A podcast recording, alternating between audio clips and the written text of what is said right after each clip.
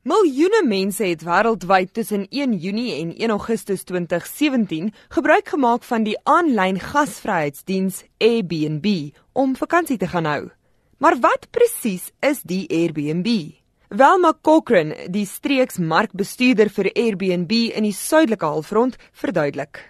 Airbnb is a platform or a website and what we do is we connect people who've got places or, or homes or who want, who have got a passion um, with travelers who are looking for unique and interesting places to stay. So you can literally go to Airbnb.com and then you can book either a room in someone's home or an entire home. And you can also be connected to people who are offering experiences. Um, everything works on the platform. And the great thing about Airbnb is that there's a dual review system. So if I'm a guest, I get to review the house that I'm staying in, but the owner of the house will also review me.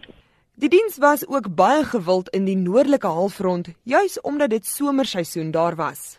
So we had more than 45 million guests using Airbnb over that period. It's obviously the peak season in the northern hemisphere. And our busiest night was August the 12th, where we had just over 2.6 million people staying in an Airbnb.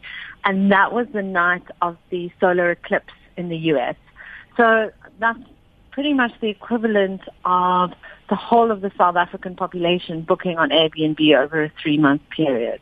Maar ongeag die koue weer was Junie tot Augustus ook in Suid-Afrika bedrywig. We had um just over 140,000 guest arrivals. So that's made up of both international and domestic travelers, you know, on Airbnb.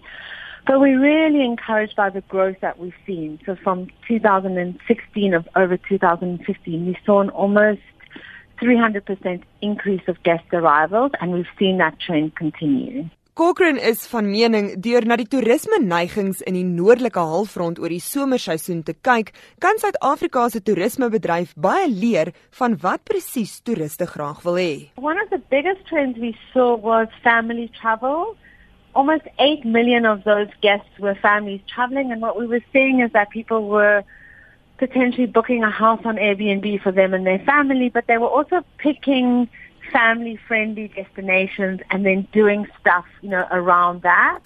People are booking not just homes, but they're also looking for experiences that can connect them to locals and really help them to kind of get under a skin of a place and to feel that they're traveling like a local. People were looking very much for coastal cities and some of them kind of quite off the beaten track. So we saw, you know, like places like Trinidad and Belize or um, Fortaleza in Brazil, which I think bodes well for South Africa, especially for Cape Town, for people, you know, trying to travel to coastal cities over summer, which I suppose absolutely makes sense. Velma Cochran is die streeksmarkbestuurder vir Airbnb in die suidelike halfrond. Ek is Henry Wondergem vir SAK nuus.